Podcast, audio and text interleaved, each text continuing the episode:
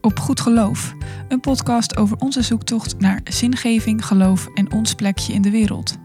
Heeft geloof nog iets te zeggen tot ons in de 21ste eeuw? Hoe vul je dat nou in, geloof? Hoe zit het nou eigenlijk met de kerk? Wat doet zij hier nog? En wat moeten twee twintigers die dominee willen worden in een wereld waar geloof niet vanzelfsprekend is? Wij zijn Heime en Ilse, twee jonge theologen op zoek naar onze plek in de kerk en in de samenleving. En in deze podcast nemen we je mee in die zoektocht. Welkom bij deze nieuwe aflevering van Op Goed Geloof. En vandaag gaan we het hebben over doof zijn. Hoe is het om doof te zijn in een wereld die helemaal is afgestemd op horende mensen? Wat zijn uitdagingen of juist mogelijkheden die je tegenkomt? En welke rol speelt de kerk daarbij? We hebben een gast die daarover met ons komt praten. Die ervaring heeft met zowel de horende als de dove wereld. Erik Kroneman die is theologiestudent aan de predikantsmaster van de Protestantse Theologische Universiteit in Amsterdam. En daarmee is hij ook mijn klasgenoot. Uh, hij werd slechthorend geboren. Erik is vanwege achteruitgang van zijn gehoor ondertussen doof met wat restgehoor. Maar dankzij een cochleair implantaat in zijn rechteroor en een gehoorapparaat in zijn linkeroor kan hij toch horen. Uh, en we zijn natuurlijk heel erg blij om hem op onze podcast te hebben. Dus uh, welkom Erik. Dankjewel. Uh, maar voordat we uh, nou ja, met jou in gesprek gaan, komen we eerst aan bij onze vaste rubriek, of eigenlijk vaste vraag: waar was Jezus?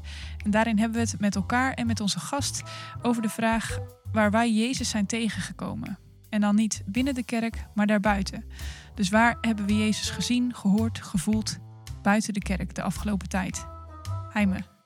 Uh, ja, ik zat zelf een beetje na te denken ook over uh, nou deze aflevering bereid je natuurlijk voor en daar ben je ermee bezig. En um, we zullen het zo meteen denk ik nog wel uitgebreid hebben ook over gebarentaal en wat dat inhoudt enzovoort. Maar toen zat ik te denken, die, die uitvinding van gebarentaal, dat ik daarin ook wel een soort Christus zie. In die zin van dat het mogelijkheden biedt aan heel veel mensen om zich uit te drukken ook. Om, uh, ja, waar ze dat voorheen niet konden, om te communiceren waar ze dat voorheen misschien veel lastiger konden. En uh, het feit dat er gewoon een soort hele nieuwe taal geboren is. En daarmee ook een soort hele uh, ja, nieuwe kunstvorm zou je bijna kunnen zeggen. Van je echt een hele nieuwe ja, expressiemogelijkheid. Die natuurlijk ook heel anders is dan uh, andere talen daarin. Dus echt ja, gewoon een heel nieuw taalveld geboren wordt of zo. En dat vind ik heel erg mooi. En ja, dus ook die mogelijkheden die het biedt. Daar zie ik Christus wel in. en jij, Ilse? Uh, nou, we hadden het laatst uh, met een, uh, een, groep mensen over wat corona ons eigenlijk brengt. Of dat positief is of negatief. En nou, voor heel veel mensen is dat negatief, maar nou, ook een beetje licht van deze, deze aflevering misschien. Wat misschien positief aan corona is, is dat het de toegankelijkheid naar heel veel verschillende dingen veel makkelijk maakt voor bijvoorbeeld mensen die slechtziend zijn of slechthorend, of mensen die om wat voor reden dan ook moeilijk de deur uit kunnen. En dat het voor mensen die, nou ja, nou, bijvoorbeeld iemand die moeilijk de deur uitkomt, die kan wel makkelijk bij, bij een Zoom-meeting betrokken worden. En dat kan dan gaan over een kerk, maar dat kan ook gaan over een concert. En um, nou ja, daarin zie ik ook wel uh, misschien een oproep van hey, uh, misschien dat corona ons dat leert. Dat wij op zoek mogen en moeten naar manieren om kerk toegankelijker te maken, maar ook andere dingen toegankelijker te maken voor iedereen. En ik denk dat dat iets is wat Jezus in zijn tijd ook al deed. Uh, zijn verhaal toegankelijk maken voor iedereen. En uh, ik hoop dat corona ons leert hetzelfde te doen. Ja, dus ook een soort bewustzijn daarbij aanbrengen. Ja. ja. Oké. Okay. Erik, kunnen we jou ook vragen, waar zag jij uh, Jezus deze week of deze maand? Ja, uh, goede vraag. Um, ik zag de afgelopen weken veel uh, in het nieuws dat uh, over vluchtelingen in, op Lesbos. Zoals we allemaal wel weten, zijn daar schrijnende problemen. Um, vluchtelingen leven daar onder erbarmelijke omstandigheden. En nu zag ik afgelopen week een, een uitzending van in Europa, de geschiedenis op heterdaad betrapt. En dat is een uh, tv-programma gebaseerd op het boek van Geert Maak, um, uh, Grote Verwachtingen. En daar was dus een aflevering gewijd aan de uh, vluchtelingenproblematiek op dat eiland Lesbos. En, ja, en hoe schrijnend die situatie daar ook is. Er, er, is, er dus een man op dat eiland die daar woont. En die, die het dus voor elkaar krijgt om echt duizenden mensen van eten te voorzien. En ja, zijn, hij heeft een soort restaurant of een soort zaak. En daar samen met zijn vrouw deelt hij gewoon zoveel, zoveel mogelijk voedsel uit. En hij is gewoon in staat om duizenden mensen daar van voedsel te voorzien. En dat deed me echt wel aan Jezus denken, die ook met heel weinig middelen zo, zoveel kon doen. Uh, zoveel mensen ook uh, bijvoorbeeld bij die wonderbaarlijke uh, spijziging mensen brood kon geven. Ja. Oh, wat mooi dat je dat ook, ook zo'n bijbels beeld erbij haalt. En, dat je daaraan denkt. Dat is inderdaad ja. nog meer Christusachtig, om het even zo te noemen. Ja, en het was ook wel weer een soort spiegel naar mezelf van ja, wat, wat doen wij eigenlijk aan. Uh, ja, beseffen wij wel wat daar allemaal gaande is en wat, wat doen wij daaraan? Ja. Ja, ja um, je bent slechthorend uh, geboren. Ja. Um, zou je kunnen vertellen hoe dat voor je was? Nou ja, in de eerste instantie uh, vond ik mezelf niet echt anders dan anders. Dan, dan heb je dat niet zo door.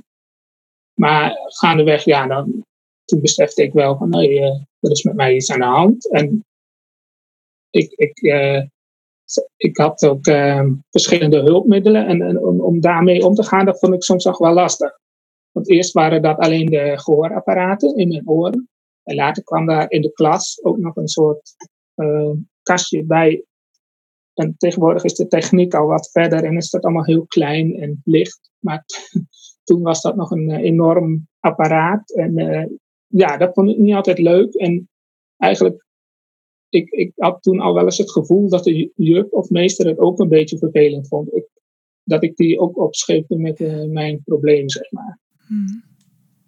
Dus dat, dat kan ik me nog wel herinneren van, ja, van mijn eerste herinnering aan slechthorend zijn. En gaandeweg, zeker toen ik op de middelbare school kwam, vond ik het heel vervelend. Ik was anders dan anders. Dat voelde ik toen heel sterk. En mijn gehoor ging toen ook heel erg achteruit. Dus ik, ja, aan de ene kant wilde ik het niet zijn. En aan de andere kant uh, werd ik heel keihard ingehaald door de feiten. Mm. Dat, dat, was wel een hele moeilijke periode. Heel eenzaam ook. Ja. ja. Ja, dat kan ik me voorstellen. En was dat ook iets wat door klasgenoten dan slecht begrepen werd?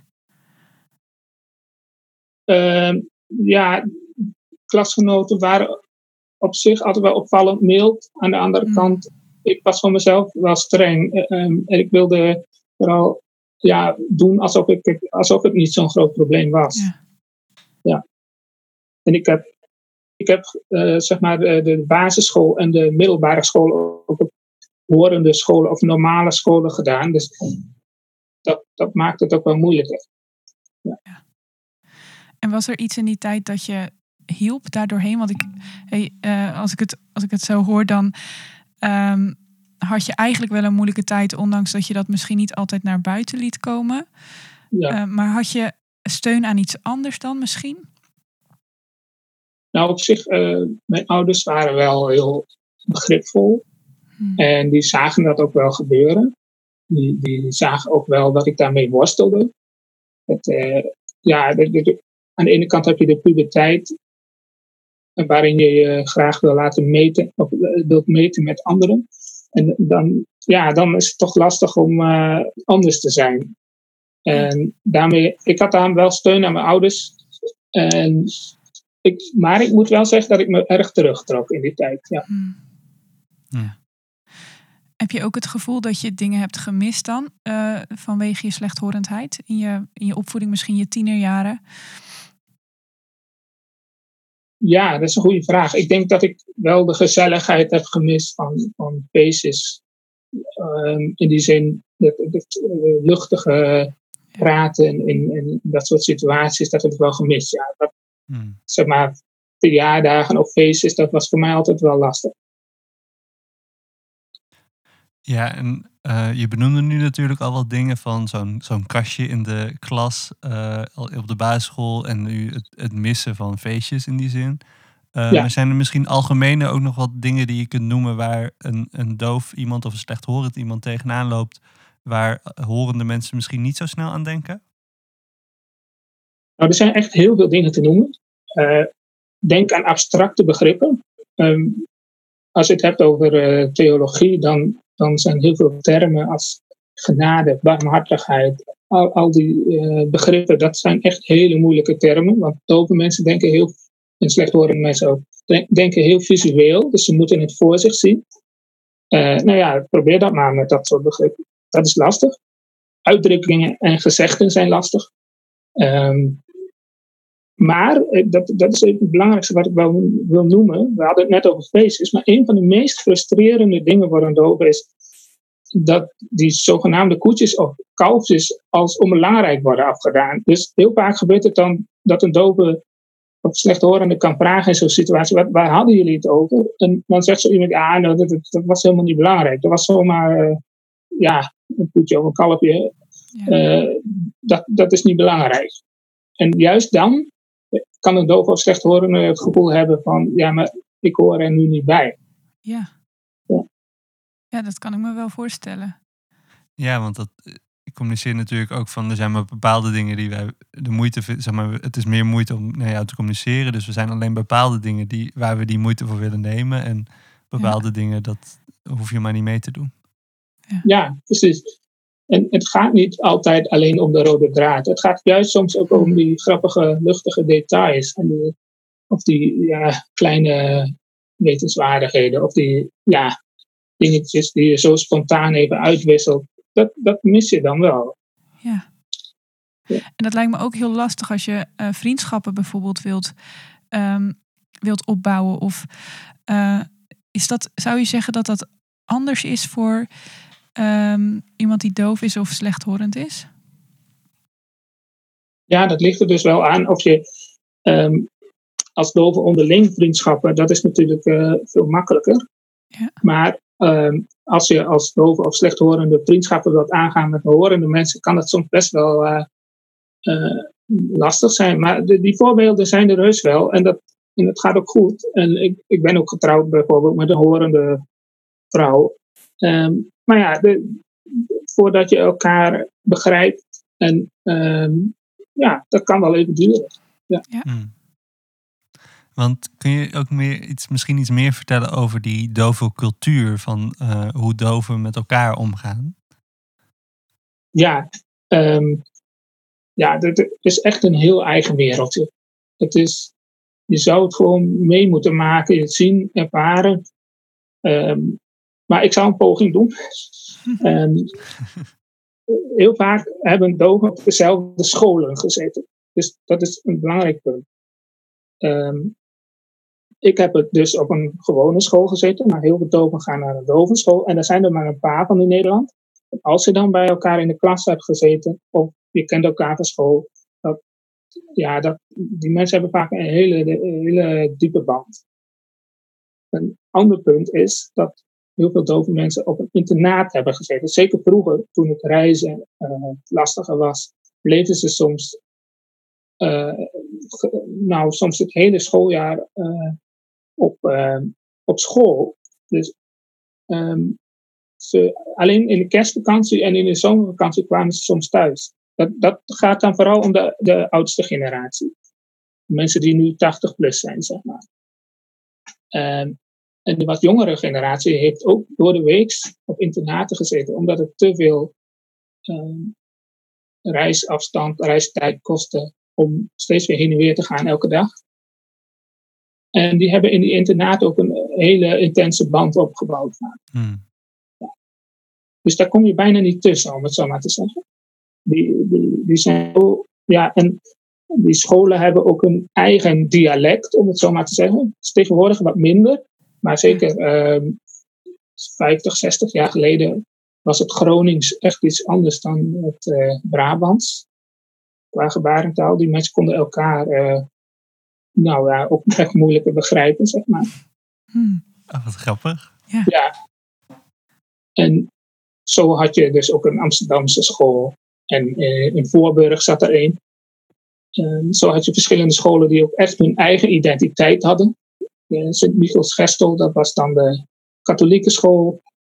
Amsterdam was min of meer neutraal en Voorburg was protestants-christelijk. Zo had je, dus dat heeft uh, de cultuur in ieder geval echt mede bepaald. Ja.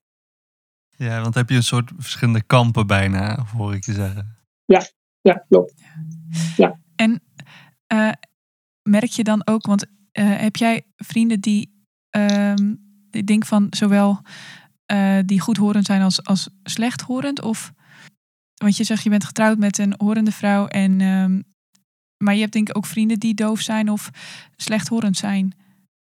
Nou, ik heb eigenlijk, ik had wel hele goede contacten op de, op waar ik gewerkt heb. Daar heb ik ook met doven gewerkt, op de Gelderhorst in Ede. Uh, maar ik heb op zich weinig vriendschappen daaraan overgehouden. Ik heb toch wel meer uh, vriendschappen met horende mensen overgehouden. Um, ja, dat, het is best wel complex. Um, het is een beetje of-of, heb ik wel eens het gevoel. Wil je echt in de dove wereld je thuis voelen, dan moet je ook helemaal gaan voor, voor het doof zijn. En ja. dat, dat doe ik niet, want ik begeef me ook in die horende wereld. Ik heb ook een cochleair implantaat, juist om mensen beter te verstaan. Maar dat is voor doven, echt, doven die in die cultuur zitten best wel lastig. Want die zeggen, ja, maar ik heb helemaal geen CI nodig. Ja. Ik, heb, ik hoef niet mensen beter te verstaan. Dat is helemaal geen handicap meer voor mij. Dat is mijn identiteit. En dat, dat wil ik zijn. En als ik uh, allemaal apparatuur ga aanschaffen, ook al, uh, dan, dan ben ik dat niet meer. En hoe kijk jij daar tegenaan, tegen die, dat doof zijn als identiteit? Hoe is ja, dat, dat is, ja, ja dat, dat heb ik altijd wel een, soort worsteling uh, gevonden. Aan de ene kant heb ik vaak het gevoel ge gehad, wilde ik uh, maatschappelijk slagen. Ja, dat klinkt een beetje raar misschien, maar had ik het gevoel dat ik echt mijn best moest doen om, om uh, zoveel mogelijk te halen uit het, uh, uit het horen, uit het verstaan van het gewone Nederlands. Uh, maar heel veel dove mensen die zeggen, ja, nee, dat moet je helemaal niet doen, weet je wel. Maar vaak hebben die ook wel weer veel minder kansen op de arbeidsmarkt. Zo, zo is het ook wel weer. Dat, is, dat zou niet zo moeten zijn misschien, maar het is, het is gewoon de praktijk. Ja. Hmm. Ja, ik bedenk me ook nu we het allemaal hebben over horende en slechthorend slash dove mensen. Uh, ja, Ilse en ik zitten in ieder geval allebei aan, ook aan die horende kant. Maar ik heb mezelf nooit in die zin als horende beschouwd natuurlijk. Met, terwijl je dat als, uh, als dove kun je niet zo anders dan dat dat mede identiteit bepaalt, zeg maar. Dat, dat, want omdat je inderdaad dat verschil hebt van de rest. En horende mens zal zich nooit zeggen... Ik zal me nooit voorstellen als hallo, ik ben Heime Leeman, horend mens. Nee, nee, nee. En dat is een heel frappant, uh, heel frappant verschil eigenlijk. Ja, maar als je met een dove zou praten, dan, dan is dat heel, heel anders. Zou je kennismaking al heel anders zijn. En um, wat je, ja, als je kennis maakt met een doof iemand, die zal gelijk merken wel of jij horen bent of niet. Maar als, je, als hij maar enigszins merkt dat je slecht horen bent of doof, dan vraagt hij meteen van waar heb je op school gezeten. Oh, echt? Ja. Dat, uh, dat, is, dat is echt een uh, identity marker. Of hoe noem je dat? Uh, mm -hmm. Ja. dus dat, dat zijn allemaal hele belangrijke identiteitskenmerken. Ja. ja. Ja, dat kan, en, en um, wat ik me ook kan voorstellen, dat uh, bedacht ik me net ook, is dat je had het over uh, dat je het Nederlands eigenlijk ook moest leren, als het ware. Ja. Uh, dat je je echt moest verdiepen in die Nederlandse taal. En dat is denk ik ook iets waar, nou ja, hij en ik als horende ook niet bij stilstaan. Dat voor slechthorende of dove mensen Nederlands niet hun moederstaal is. Precies. En, en dat, dat is Um, dat is lastig, want het Nederlands is best weer barstig door al die abstracte begrippen, zoals ik al eerder zei. Um, maar ook door de beeldende taal, de uitdrukkingen en gezegden die ze niet begrijpen. Um, dat, dat is echt, ja. En wij hebben ook een heel, een heel complex werkwoordensysteem vanuit een dove bezien. En misschien zeggen wij als uh, theologen wel, ja, maar Grieks of Latijn is nog veel moeilijker. maar, ja, maar voor een dove is uh, het werkwoord, Nederlandse werkwoordsvervoeging ontzettend lastig. Want kun je nog eventjes, uh, ik ga er even vanuit dat onze luisteraars horende mensen zijn. En uh, vele van hen zullen niet Nederlands gebarentaal onder de knie hebben. Dus zou je misschien even iets meer informatie kunnen geven over de manieren van communiceren voor dove mensen?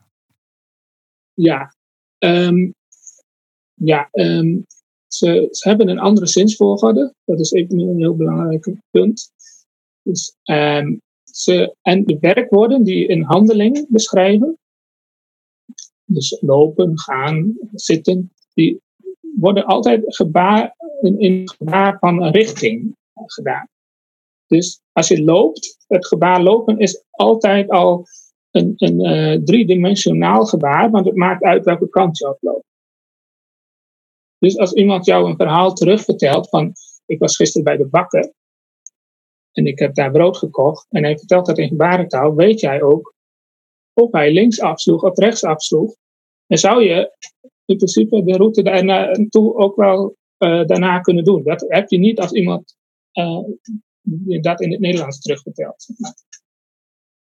Um, ook is het belangrijk dat als een dove zal in zijn verhaal altijd uitbeelden hoe de ander het zei. Dus die neemt de mimiek over van degene die zijn gesprekspartner was. Dus stel dat iemand vertelt over van ik heb gisteren Jan gesproken en Jan zei, en vanaf dat moment neemt hij ook de mimiek over van Jan. Dus je kunt ook precies zien, als die dove dat verhaal terugvertelt, of Jan blij was of zagrijnig. Uh, want dat gaat hij gelijk overnemen. Dus uh, dat zijn allemaal dingen die, waarin de gebarentaal veel levendiger is dan de Nederlandse taal. Ja, want er komt echt een, een extra dimensie in die taal uh, dus mee, die je in het, ja. in het in Nederlands niet hebt. Ja, en je weet precies hoe groot voorwerpen waren. Um, als hij zegt van ik heb een uh, dik boek gekocht bij de boekhandel, of hij moet ook graag willen overdrijven, dat, dat zijn doven kunnen dat ook wel. Maar dan zal hij ook aangeven hoe dik dat boek was, uh, hoe groot. Dus ja, de, je weet meteen hoe groot iets was, welke kant mensen op gingen, of ze blij waren of verdrietig, dat zit er allemaal in. Maar even terug naar het werkwoordensysteem. Mm -hmm. Dat is heel beperkt. Want eigenlijk bestaat alleen maar het hele werkwoord. Ah. Dus, ja, dus je hebt geen vervoegingen of zoiets? Nee. Dus als de handeling wordt uitgedrukt, lopen, ja. dan is dat ook altijd lopen en nooit liep of gelopen. gelopen. Uh, ja. Nee, dat, dat, is ook niet belangrijk. Nee. Dan lijkt Grieks me een on, onwijs uh, vervelende taak. ja, ja, dat heb ik wel Dat al voor Nederlanders. Dat is al, ja, laat staan. Uh, maar over Grieks gesproken. Um, jij bent ook Um, uh, ik ben heel benieuwd waar ja, dit bruggetje nee, ja. gaat. Nee, ja, je bent ook, uh, zoals we net al even zei, de klasgenoot van Heimen. Dat betekent dus dat je op de predikantsopleiding zit. En dus denk ik ook predikant wil worden. Daar ja. ga ik even vanuit. Ja. Um, en je had het net over dat voor slechthorende en uh, dove mensen abstracte dingen lastig zijn. En dat dat in de theologie dan ook, nou ja, lijkt me dat ontzettend ingewikkeld. Ja. Um, uh, en dat uh, nou ja, uh, dove mensen ook uh, visueel zijn ingesteld. Nu is onze kerk, in ieder geval de kerken die ik over het algemeen ken, die zijn niet visueel ingesteld. Uh, en wel heel erg abstract ingesteld. Hoe, hoe kijk jij daar tegenaan? Ja, dat is ook echt een heel belangrijk punt. Ik vind dat we um, een paar dingen belangrijk zijn. Dus dat je, als je het visueel kunt maken, probeer het dan ook. Dus ik heb ook Kijk, in een gewone kerkdienst ben ik zelf helemaal niet zo van een beamer en allemaal plaatjes en zo. Dat, goed, dat is een persoonlijk iets. Maar in een dovendienst zou ik dat prima vinden kunnen. Om dingen duidelijk te maken. Um, ook uh, goed nadenken over, de teksten. Um, welke Bijbel gebruik je? Um, de, de, de Bijbel die ik heel geschikt voor doven vind, is de Bijbel in gewone taal.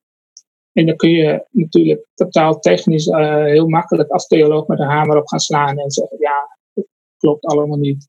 Maar die sluit echt heel goed aan bij uh, taalvermogen van uh, mensen. En die lezen ze ook graag, dat weet ik. andere dingen, ja, de beelden die je kunt gebruiken, gebruik ze. Soms zul je net iets andere metaforen misschien moeten gebruiken. Of, kijk, ik, ik, stap er net ook, ik, stap er zelf nu ook pas in, in het dovendienst gebeuren. Ik, 20 februari hoop ik voor het eerst een, uh, een soort, nou het is niet echt een dovendienst, maar gewoon een, uh, een bijeenkomst leiden. En die moet ik zelf ook in gebarentaal doen. Dus, dus dat is voor mij ook nog wel een, een nieuw aspect van het mm. voorgaan. maar dat vind ik wel heel leuk. Ik ben ook heel benieuwd uh, hoe me dat gaat bevallen. Want misschien is dat ook wel mijn toekomst. En um, je hebt het over nou, bijvoorbeeld een speciale dovendienst of um, en waar dan extra gebruik uh, gemaakt zou kunnen worden van beelden. Maar um, stel, je zou een dienst zo ja, zo inclusief mogelijk willen maken, ook voor, voor slechthorende en dove mensen, in een dienst waar ook horende mensen komen. Uh, zie je daar, ja, hoe zie je dat? Of denk je dat het gewoon belangrijk is dat er speciale diensten zijn, blijven of misschien wel meer komen voor mensen die slechthorend zijn? Ja, um, nou, het is altijd wel een beetje een discussie geweest. Um, de, het is zo dat dovendiensten eigenlijk ontstaan zijn, dus die aparte dovendiensten zijn ontstaan uit dat gewone kerken er niet zoveel begrip voor hadden. En later is dat belang steeds, de kerk hadden er wel veel meer begrip voor. En uh, er waren steeds meer gebaren tolken. Dus ook tolken die uh, de preek of de dienst goed konden vertolken. En dat heeft heel veel verschil gemaakt. En daardoor is het ook heel nu wel meer mogelijk om inclusief te zijn. Ja. Maar daar staat ook tegenover dat dove mensen zelf um, ook graag nog wel speciale diensten hebben waarbij ze, um, nou ja, toch meer uh, het accent erop ligt dat de boodschap voor hen uh, verstaanbaar is.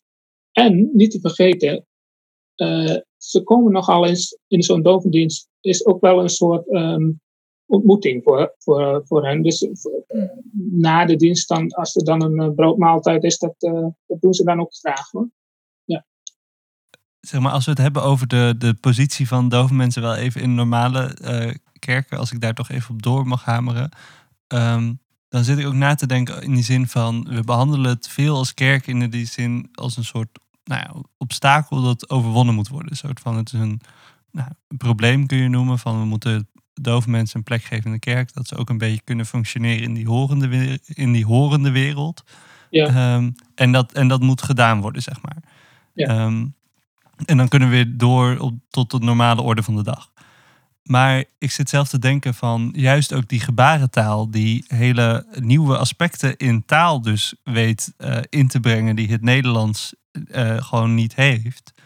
Zou er ook niet een bepaalde manier zijn voor de kerk om te leren van dove mensen, bijvoorbeeld in haar theologie, misschien wel in haar eredienst, uh, dat daar aspecten van de dove cultuur worden ingebouwd in de normale kerk, um, om, om daarmee de kerk en onze theologie te verrijken. Zie jij daar mogelijkheden in? Um, nou ja, ik, ik, denk sowieso dat wij theologen soms ook blind zijn voor wat, uh, in die zin voor die abstracte begrippen. Ik denk dat het niet alleen een probleem voor dove mensen is, dat dat uh, sowieso uh, moeilijk iets is voor heel veel mensen. En misschien ook wel iets waar ze, ja, dat misschien niet zo durven te uiten, maar wel dus, dus, het is altijd goed om, als, als, om daarover na te denken, om, om het ook um, in die zin overzichtelijk te houden voor iedereen. Niet alleen voor dove mensen. Um, maar um, voor, wat betreft uh, geba gebarentaal, doe je daarop uh, hem? Ja, bijvoorbeeld. Ja, ja, Dat is even voor mij het meest concrete voorbeeld ja. wat ik natuurlijk kan, uh, voor ogen ja. kan hebben. Nou ja, kijk, als je uh, samen lichaam van Christus bent, gemeente uh, bent, en, en, je hebt over um, uh, medebroeders en zusters, dan, dan zou ik daar zeker energie in steken. Dat ze niet op een eilandje staan dan. Dus dan zou het alleen al goed zijn om, om te leren communiceren met, met, met over gemeenteleden. Ja. Ja, en ik zit er zelf dus ook nog een beetje over door te mijmeren hoor. Maar um, in die zin zit ik ook te denken van, nou, we, we, spreken vaak over God die dan alle talen spreekt. Het, het, het wonder van Pinksteren natuurlijk. Um, maar in die zin biedt het denk ik ook hele nieuwe mogelijkheden voor de theologie om te spreken over dat God ook dus gebarentaal spreekt. Ja. Ehm, en, en wat dat precies betekent, dat weet ik zelf eigenlijk nog niet. Maar ik vind wel voor mezelf een interessante gedachte om, om mee te nemen. Ja, dat vind ik ook een mooie. Dat, eh, dat, en daarom is het ook belangrijk om gebarentaal niet als een soort ondergeschikte taal voor gehandicapten te zien, maar als een volwaardige taal. Een taal die ook, eh, ja, nou, juist door, als je zegt van ja, als God alle talen spreekt, dan verleen je, om het zo maar te zeggen, ook zo gebarentaal al eh, autoriteit of, zo, of, of Hm. eh, eigenwaarde of zo. Ja, en ik, ik, ik zit daar dan ook weer over door te, te, te denken, zeg maar. En Als ik denk aan, aan de Bijbel en het verhaal van God en de mensen, dat gaat vaak over verhalen. Dat is vaak heel visueel. En nou, we nemen dit op in de week voor kerst. Ehm, Ja. De incarnatie zelf is De misschien wel... vleeswording. Voor de de vleeswording, ja, sorry. Eh, hè, dus dat God mens wordt. Dat is eigenlijk ook Gods, nou ja, ultieme gebaar, letterlijk, aan Ja. de mensheid. En, en misschien spreekt God i- inderdaad wel meer in gebaren dan, dan dat we vaak denken. Vaak niet zo in systematische theologieën en abstracte, ehm, abstracte beelden of zo.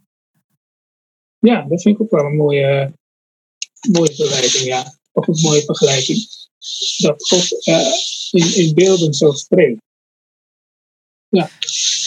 Ja, en ehm, over dat zeg maar, want we hadden het heel even over net gebarentaal. Eh, maar ook, eh, je had het daarvoor ook even over dat we dat abstracte, eh, dat het niet alleen iets is wat eh, slechthorende of dove mensen slecht verstaan, maar eigenlijk dat misschien wel heel veel mensen dat helemaal niet zo begrijpen. Heb jij misschien praktische ideeën over hoe een kerk of hoe je dat in het geloof kunt aanpakken? Hoe kunnen wij als toekomstig predikanten, en dan heb ik het over even ons alle drie, hoe kunnen wij dat ehm, ja, oplossen? Hoe kunnen wij die vertaalslag maken van het abstracte naar het, het echte? Het, ja, ik weet niet hoe je dat. Ja, van het abstracte naar het vleeselijke misschien. Ja, ik heb dus zelf nu een zoontje van drie jaar. En ik vind het heel moeilijk om die abstracte begrippen uit te leggen. En ik vraag me zelfs af of, of voor theologen het allemaal wel zo vanzelfsprekend is. We Hmm. gebruiken die begrippen wel, maar weten we ook wat het betekent? En welke brug maken wij eigenlijk tussen de concrete praktijk en die moeilijke abstracte begrippen? Hoe doen wij dat? Dat, dat weet ik zelf niet. Maar als we dat weten, van hoe komen we van het concrete, praktische, dagelijkse leven tot die hele hoogstaande grote begrippen als genade, hoe doen wij dat? Ik weet het niet hoor, maar als we dat zouden weten, welke stappen we daarbij nemen, dan zou al. eh, Ja, En zeker nou, als we dan even blijven bij zo'n begrip als genade blijven hangen, dat is natuurlijk een begrip dat we veel bezigen. Dat je dan eh, voor velen van ons ook vanuit opvoeding al hebben meegekregen, gewoon van kinds af aan. Ehm, maar juist inderdaad, als je dan zo'n eh, een dove dienst moet leiden en je moet het over genade gaan hebben. En je weet dat dat zo'n abstract begrip is voor dove mensen. En ehm, dat- dat je dat op de een of andere manier moet uit, uitleggen dan zou ik inderdaad toch al zelf al snel teruggrijpen naar verhalen inderdaad. En dan zou ik een, een zeggen van nou, genade, dat is het verhaal van de verloren zoon. ja, En, ja. Ja, zoiets, ja. En ik denk Dus in dat die het- zin eh, opent het ook een hele nieuwe wereld van eh, wat de Bijbel inderdaad is. En waarom er zoveel verhalen in de Bijbel staan. Juist inderdaad om dit eh, duidelijk te maken. Ja, ja. En dat, dat, dat is denk ik ook wel. eh, ik, ik zit ook gewoon met jullie mee te denken. En ik denk dat dat ook al een eh, belangrijke sleutel is. Alleen ik zou het dan zelf, en dat zit ik zo ter plekke te bedenken. Wel, zou je dan ook heel veel dingen overslaan? Of hoe, bijvoorbeeld de brieven van Paulus, eh, zijn die wel geschikt voor een bovendienst? Of ik, ja, dat, daar ga ik dan toch over nadenken. Of, Nou ja, misschien is daar die vertaalslag dan, eh, dan nodig. Hè? Want je had het net over dat maken van bruggen. Eh, maar ik kan me voorstellen dat, ehm, dat Paulus schetsen, nou, misschien in een verhaalvorm, dat dat, ja, dat vraagt wat extra creativiteit en, en ehm, en misschien wat extra nadenkenwerk. Maar ja, ik zie daar ook wel potentie in. We hadden laatst een aflevering eh, waar een filmmaker te gast was. Ik denk dat iemand die op die manier zo visueel is ingesteld, bijvoorbeeld inschakelen om iets te kunnen met wat Paulus zegt. Om bijvoorbeeld een begrip als genade of rechtvaardigheid. Hè, dat zijn dingen die Paulus dan noemt. Dingen die moeilijk te begrijpen zijn. Ja. Om die misschien in de vorm van een film of in de vorm van een beeld of in de vorm van een verhaal te gieten. Ja, want Ja. we hebben het daar toen niet zo over gehad, over de, het, het, die werking die film kan hebben om iets abstracts eigenlijk heel concreet voor ogen te stellen. Maar die inderdaad is er natuurlijk wel enorm. Ja, precies. Ja, en ik denk dat je ook nog wel ehm, misschien die eenheid van de Bijbel eh, hier goed kunt gebruiken. Namelijk, ehm, ja, Paulus heeft het over genade. En er sta- staan nog meer verhalen van genade in de Bijbel. Maar oké, hoe verhouden die zich ook tot elkaar? Misschien dat je daar toch nog weer zo'n verhaal wel kunt gebruiken. Maar dan ook weer kunt stellen van ja, en hoe Paulus dat hier eh, gebruikt, dat is toch. Die gebruikt dan toch weer zijn eigen accenten. En dan kun je een soort van die tegenover elkaar stellen om weer hun eigenheid daarin eh, naar voren te brengen. Het vereist wel een, een andere manier van naar de Bijbel kijken. Maar juist misschien ook wel een hele verhelderende, hele ehm, mooie manier om dingen uit te leggen. Ik merk ook wel dat ik al praten en dan ook weer op ideeën kom. Als ik zo met jullie eh, in gesprek ben. Dat vind ik ook mooi. Kun je zo'n idee delen? Nou ja, dat je dan bijvoorbeeld zo'n zo'n moeilijk thema, bijvoorbeeld uit de brief van Paulus, genade, dat je dat dan koppelt aan zo'n verhaal als de verloren zoon bijvoorbeeld. Ja, ik ben wel heel benieuwd wat er ook allemaal uit kan komen als je inderdaad naar de Bijbel gaat kijken of gaat luisteren in die zin met doofmans oren. Om, even, om die eh uitdrukking nog eens een keer positief te gebruiken. Ja, ik denk dat dat ook een verrijking is. Ehm, nou, ja, net wat we zeiden, van dat juist die samenwerking tussen die twee groepen die nu nog misschien niet zoveel oog voor elkaar hebben om allerlei verschillende redenen, dus tussen horende en slechthorende, dat, ja, dat een samenwerking en een dialoog tussen die twee tot echt heel veel verrijking kan zorgen. Eh, en ik denk dat dat ook weer, nou ja, om dat beeld er dan ook maar bij te halen, ehm, laat zien dat het lichaam van Christus elkaar nodig heeft om de rijkdom te zien en het, het diverse en het grote verhaal van Jezus te zien. Ja. Ehm, ja. Als ik daar even op, op in mag haken, want ik zat daar nog over na te denken. We hebben het nu heel erg over de eredienst, liturgie, over de Bijbel, over dat soort dingen. Dus een beetje de officiële, eh, de officiële kanalen, om het zo te noemen. Maar de kerk is natuurlijk, eh, nu in coronatijd is dat wat moeilijker, wat minder. Maar de kerk is in mijn ogen ook juist het koffiedrinken na de eredienst. En het elkaar ontmoeten door de week. Eh, Ja. En we hebben het dan natuurlijk al gehad over dat de dove wereld en de dove cultuur echt een aparte wereld is. Maar ehm, zie je daar ook mogelijkheden in om die twee wel meer bij elkaar te brengen? Dat ook horenden in contact komen, ook door de week, ook bij de koffie, met slechthorende of dove mensen. Nou ja, ehm, ze kunnen in ieder geval gebruik maken van eh, cursussen. Er zijn gebarentaalcursussen, daar kun je je voor aanmelden. Eh, die zijn voor iedereen toegankelijk. Ehm, je kunt eh, verschillende, je hebt in de grote steden eh, gebarencafés, heet dat geloof ik. Daar kun je ook uh, mensen ontmoeten. Ehm, probeer na de kerkdienst met mensen te praten. Ook al kun je geen gebarentaal, mensen zullen, hebben daar begrip voor, dove mensen. Dus ze, ze zullen je, zich ook aan jou aanpassen. Wij denken heel vaak dat wij ons aan dove mensen moeten aanpassen, maar dove mensen passen zich misschien nog wel veel meer aan aan Ja. ons. Zij kunnen heel goed, als, als jij uh, probeert gewoon duidelijk met duidelijk mondbeeld te articuleren, dan, dan doen ze echt hun stinkende best om jou te begrijpen. En dat zijn allemaal dingen die, die je moet aangrijpen. Ja. ja, want slechthorende of dove mensen kunnen over het algemeen, eh, denk ik, best wel goed lip lezen, of niet? Zeker, zeker. Dat is een heel belangrijk uh, punt. Ja.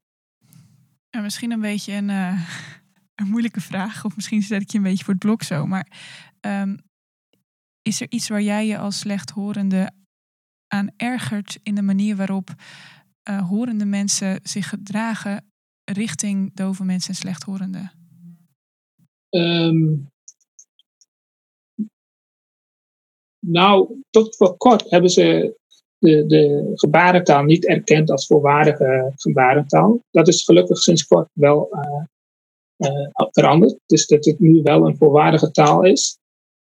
Um, waar ik me nog meer aan erger. Nou ja, sommige irritatiepunten heb ik al wel genoemd. Bijvoorbeeld het. Uh, nou ja, het, het, is ook heel verschillend per persoon. Ik ben, ik ben ook wel eens met een doof iemand naar een ziekenhuis geweest. En toen was daar een, een, doof, een, een uh, arts. En die arts, die, ik zei tegen die arts van deze persoon, die is doof, dus die kan u niet verstaan. En vervolgens uh, begon hij gewoon keihard te praten. Mm. En toen, ja, ik dacht, ja, wat is dit nou? je bent arts. Ja, soms, ik dacht van, ja, je toch wel nagaan dat hoe hard je ook praat, dat het gewoon echt geen effect heeft. Maar ja, en mensen zijn gewoon niet altijd heel goed op de hoogte van een en ander. Ja. Zo blijkt dat uh, niet alleen dovende, maar ook horende mensen wel eens hardhoors zijn. Ja. En, en hard Ja, precies. Ja. precies. Ja. Ja. Ja, ik, ik zat me nog af te vragen van, um, je, je, zei al eventjes over dat in de Tweede Kamer is natuurlijk nog niet zo heel lang geleden uh, de Nederlandse gebarentaal als uh, officiële taal erkend. Maar je hebt natuurlijk ook rondom de corona persconferenties is uh, gebarentolk Irma Sluis is nou een ja. soort cultuurfenomeen geworden. Uh, ja. Wat vind jij van die aandacht daaromheen? Ja, een beetje dubbel. Aan de ene kant vind ik het heel mooi dat de dovenwereld wat meer in de schijnwerpen staat. Aan de andere kant is Irma Sluis een middel om uh, voor het voor doven makkelijker te maken. Zij representeert niet de dovenwereld. Zij um, is een. Um, um, misschien een beetje kort door de bocht gezegd, maar wij kunnen als, als horende mensen kunnen Irma Sluis niet beoordelen. Dat is een beetje hetzelfde als ik, als, uh, als ik categorisatie geef, Hebreeuwse tekens op het bord ga schrijven. Dan kunnen mensen wel zeggen, oeh, ah, wat mooi, wat knap. Maar zij weten helemaal niet wat er op het bord staat. Ja. En Irma Sluis kan wel heel mooi gebaren, maar wij weten geen eens of ze het goed doen. Om het zo maar te zeggen.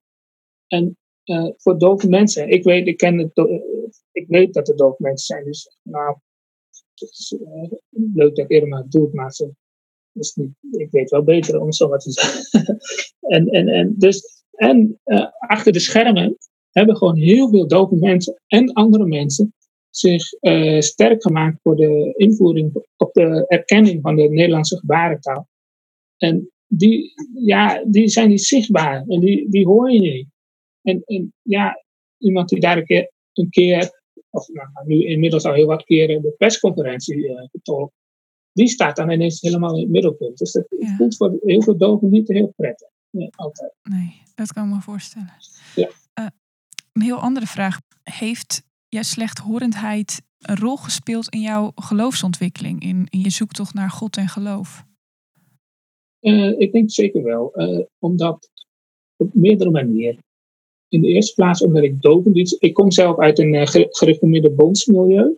Mm-hmm. En ik heb toch iets andere geloofsafvoeding gehad, dat, omdat ik naar verschillende dovendiensten ging, van interkerkelijke snit. Uh, dus ik kwam in vrij evangelische gemeenten, uh, ja, gereformeerd, christelijk gereformeerd, uh, ja, alles wat er te koop was op de Noordveluwe tenminste. Ja, en, en, maar dat, daar heb ik dus wel um, ja, toch wel heel veel stromingen meegekregen. Dus, maar het was ook wel weer dubbel, want er was, uh, uh, s'morgens uh, zong ik dan Ik zie een poort bij openstaan en smiddags was het dan weer zeven, de bereiding van 1773 op hele noten heel langzaam. Ja, ja dus ja. Dus was maar dat bracht dus wel een bepaalde variatie in je geloofservaring mee. Ja, ja. Ja, ja. ja. ja. Dus aan de ene kant voel ik me ook nog wel die bondsjongen, maar ik denk ook wel, ja, ik heb wel meer meegekregen dan de gemiddelde misschien. Ja, dat weet ik ook niet anders. En uh, wat ook meegespeeld heeft, kijk, ik heb als kind wel gebeden tot God of ik woorden mocht worden. En dat, dat werkt toch weer anders. En dus ik moest wel anders tot God gaan verhouden in die zin van, ja, hij is niet, uh, de, de, degene die alle problemen zomaar even oplost. En, ja.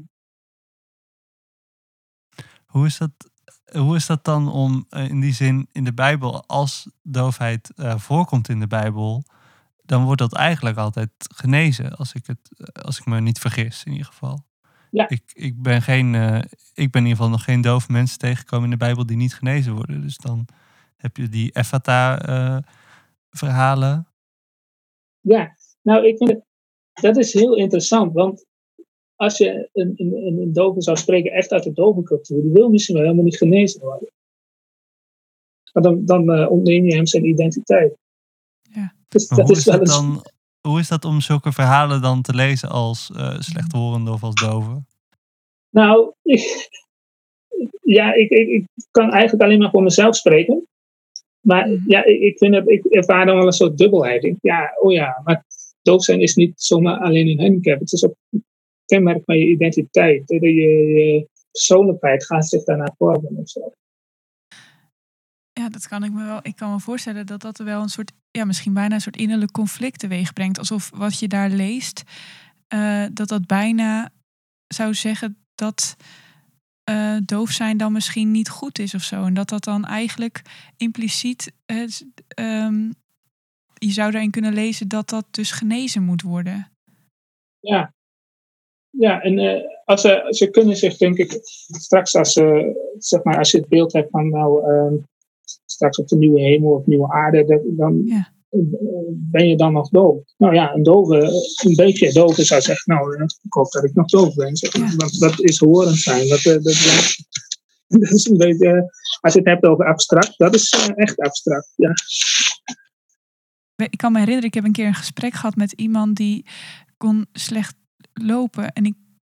Nou, nee, het ging over zijn moeder. Die, uh, die zat in een rolstoel. Hij kon zelf ook slecht lopen. En de vraag was: van, ben, kan ik in de hemel wel goed lopen? En heeft mijn moeder in de hemel wel een rolstoel? En toen zei hij, en dat vond ik heel interessant. En dat, ja, dat heb ik nog steeds, dat ik dat met me meeneem. Hij zei: Nee, de hemel is geen plek waar mijn moeder kan lopen. De hemel is een plek waar geen stoeprandjes meer zijn.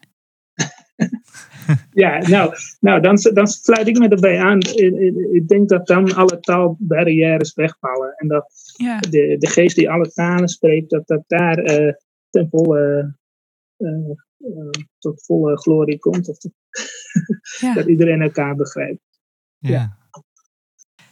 En ben je uh, want je zei net hè, van, uh, nou ja, dat het best wel lastig is. Nou, je hebt gebeden van of God je misschien horend kon maken. En je een soort moeilijkheid ook met die Bijbelverhalen waarin dove mensen genezen. Ben jij God, nou, dat zei net al dat je God daardoor anders bent gaan zien. Maar ben je de Bijbel daardoor ook anders gaan lezen en gaan zien? Ja, nou ja, dat, dat, dat uh, ben ik de Bijbel daardoor anders gaan zien. Um, Nee, nou, nee, dat, denk ik niet echt zo. Maar wel dat ik denk van, uh, God heeft uh, een plan met iemands leven, dat geloof ik echt. Dat, uh, nou ja, dat, dat, dat, dat doof zijn en uh, wat dan ook, dat dat daar echt bij kan horen. Dat dat, dus ik zie dat, op, kijk, weet je, ik heb het wel bijvoorbeeld als gebedsverhoring gezien dat ik uiteindelijk dat, dat ik een uh, cochleaire implantaat kon krijgen en hmm. daarmee enorme uh, vooruitgang heb geboekt. Zeg maar. Dat zie ik wel echt als gebedsverhoring. Ja. ja. Maar ik vind het in ieder geval echt heel interessant om ook zo over. Uh, ja, als wij over doofheid praten, over, als we over slechthorendheid praten, dan is dat inderdaad toch wat je inderdaad heel vaak hoort. Uh, van, dat is een soort handicap en dat is dus altijd komt er wel een soort connotatie van zieligheid mee, um, mee kijken. En nou ja, met andere handicaps hoor je dat natuurlijk ook. Dat mensen zeggen, ja, nou, het is inderdaad gewoon deel van mijn identiteit. En uh, dus ook inderdaad geloofsidentiteit, maar op allerlei manieren. En ja, dat is gewoon hoe ik ben. En uh, het, het, hoort ook op een bepaalde manier bij je mens zijn of zo. Dat vind ik een, heel, een hele nieuwe manier voor mij in ieder geval om te kijken naar of tussen. Ehm, ja, het eh, geeft wel een nieuwe manier om te kijken naar uh, dit soort handicaps. Ja. Ja, en Zeker. ook, uh, want nou, we hadden het over identiteit en hoe dus doof zijn of slechthorend zijn daar ook eigenlijk bij hoort. En een andere plek waar ik in ieder geval ervaar dat ook heel erg eh, gaat over identiteit is roeping. Dus het gevoel dat je uh, geroepen bent om predikant te worden. Of iets of te gaan iets doen. te gaan doen. Hè. Het, en het plan van God kan uh, allerlei kanten op. Uh, hoe is dat voor jou gegaan? Hoe heeft slechthorendheid een rol gespeeld in jouw ervaring van roeping naar het predikantschap? Oeh, um, nou, dat heeft zeker een belangrijke rol gespeeld. Zeker toen ik uh, geopereerd was, uh, mijn cochleair implantaat kreeg. Um, toen dacht ik wel van, ja, voor mijn gevoel uh, ging er een wereld voor mij open. Ik hoorde ineens veel meer na mijn operatie. En ik dacht, ja, wat zou ik daarmee kunnen? Zou, zou er nog gelegenheid zijn om te gaan studeren? En ik dacht, nou ja, gewoon in het algemeen hoor. Want vorige studies en, en, en um, middelbare schoolperiode waren gewoon heel moeilijk bij mijn snactorentijd. En ik dacht, ja, toen dacht ik van hé, maar misschien heb ik nu wel weer meer mogelijkheden. En eigenlijk ging ik van alles opzoeken en kwam er niet echt uit. En het, ja, toen uh, was er iemand, een soort, soort zendingspredikant, die uh, vertelde over zijn werk. En toen dacht ik ineens van, uh, ja, dit, dit lijkt me echt heel mooi. Toen heb ik een dagje meegelopen op, op de universiteit. En toen dacht ik, ja, dit is het. Moet ik echt gaan doen. En daar heb ik ook wel echt uh, Gods stem in ervaren, Gods leiding. Um, ja, nog steeds, de afgelopen 4,5 jaar, denk ik, ja, toen, mooi. ik voel me echt gedragen. Mm. Ja, mooi. Ja, erg, erg leuk om zo te horen. En ook uh, dat jij ook als een soort brug kan functioneren om uh, ons als horende mensen en als horend publiek ook uh, zoiets over die dove cultuur te kunnen vertellen. Want ja, ik, dus ik neem aan dat, dat wij geen dove luisteraars hebben naar onze podcast. En, en zo geeft ons dat toch even een inkijkje. En dat, ja, erg bedankt. Erg interessant om ook ja, een soort doofheid als identiteit. Die, ja. ja, daar blijven we nog wel wat verder over nadenken. En dat ik denk nemen we nog ook, wel ja. mee. Ja. Uh, dus heel erg bedankt. ja, graag gedaan. Ik vond het echt heel leuk om je te praten. Fijn. Um, ik vroeg me ook, uh, ook nog af of jij, uh, ben je toevallig, je had net even over een dovendienst, maar zijn er projecten waar je in het algemeen mee bezig bent? Of um, kunnen mensen je ergens vinden? Nou ja, weet je, ik ben nu bezig met, om het zo maar te zeggen, de algemene predikantschap. En er zijn wel dingen waar ik over nadenk. Van, hey, ik zou in de dovenwereld ook misschien wel wat willen gaan betekenen. Uh, maar dat, dat, dat is nu net, uh, ben ik uh, daar in de eerste stappen aan het zetten. Want jullie hebben het ook een brug kunnen zien. Nou ja, dat, dat heeft mij de afgelopen jaren ook wel bezig gehouden. Zou ik daarin een rol kunnen spelen. Ja. Maar niet in van, uh, dit moet of zo. Ik moet iets in de dovenwereld gaan doen. Het is voor mij niet een. Uh, ik voel niet de druk van dat is de enige optie. Misschien weet je nog wel iets van sites of uh, bronnen of tips voor horende mensen. Dus als ze inderdaad of gebarentaal willen, le willen leren, of als ze misschien meer van de dovencultuur willen weten, heb je daar nog bepaalde bronnen voor? Ja, ja websites weet ik wel. Dat is uh, doof.nl gewoon www.doof.nl. Um, volgens mij staan daar ook wel weer links op naar uh, andere websites. Mm -hmm. uh, nou ja, op YouTube kun je vaak allerlei gebarenfilms. Dat is ook echt heel leuk om eens te kijken. Um, gebarencentrum.nl gebarencentrum.nl, ja, daar moet je wel voor inloggen, geloof ik. Maar je kunt in ieder geval ook wel vrij uh, uh, gebaren vinden die vrij, beschik vrij beschikbaar zijn. Ja. ja, Edith en ik hebben ook pas geleden, dus uh, op YouTube heb je dan volgens mij een hele serie met gebaren van de dag. Het is niet meer actueel, maar wij zijn nu met terugwerkende kracht, zeg maar, zijn we begonnen met een gebaar van de dag leren. Oh, cool. Dus ik kan hem ervoor doen, maar daar hebben de luisteraars niks aan. Nee. Hij zit nu wild te gebaren. Nee, ja. Hij zit nu wel te gebaren. Ik denk dat hij zegt: Ik hou van jou tegen mij. Nee, nee, nee. nee, die weet ik nog niet. Nee, ik, ik zei, uh, of ik gebaarde: Ik heb alle vertrouwen in jou.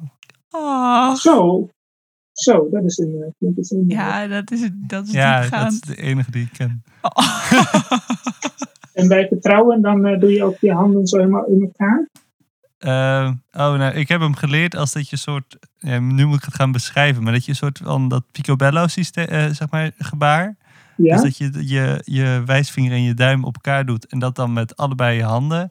En ja? je moet hem dan allebei je handen gewoon los van elkaar een beetje naar beneden, naar voren duwen. Zo heb ik hem geleerd. Dus. Oh ja. Nou ja, dat kan. Ja, dat, weet je, ik, ik heb natuurlijk al afgelopen tijd uh, zoveel gebaren geleerd en zit in een soort onbewust register uitgeslagen. Maar ja, goed. Je hebt vaak ook nog wel weer varianten. Uh, oh, ik was echt even bang dat ik hem verkeerd geleerd had. Nee, nee, nee, dat zal vast wel.